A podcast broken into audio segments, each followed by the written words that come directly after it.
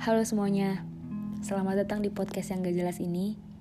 Podcast yang aku bikin untuk memotivasi diri aku sendiri yang pertama, dan yang kedua adalah untuk mengekspresikan diri aku dari sisi yang berbeda dari yang kebanyakan orang tahu mungkin.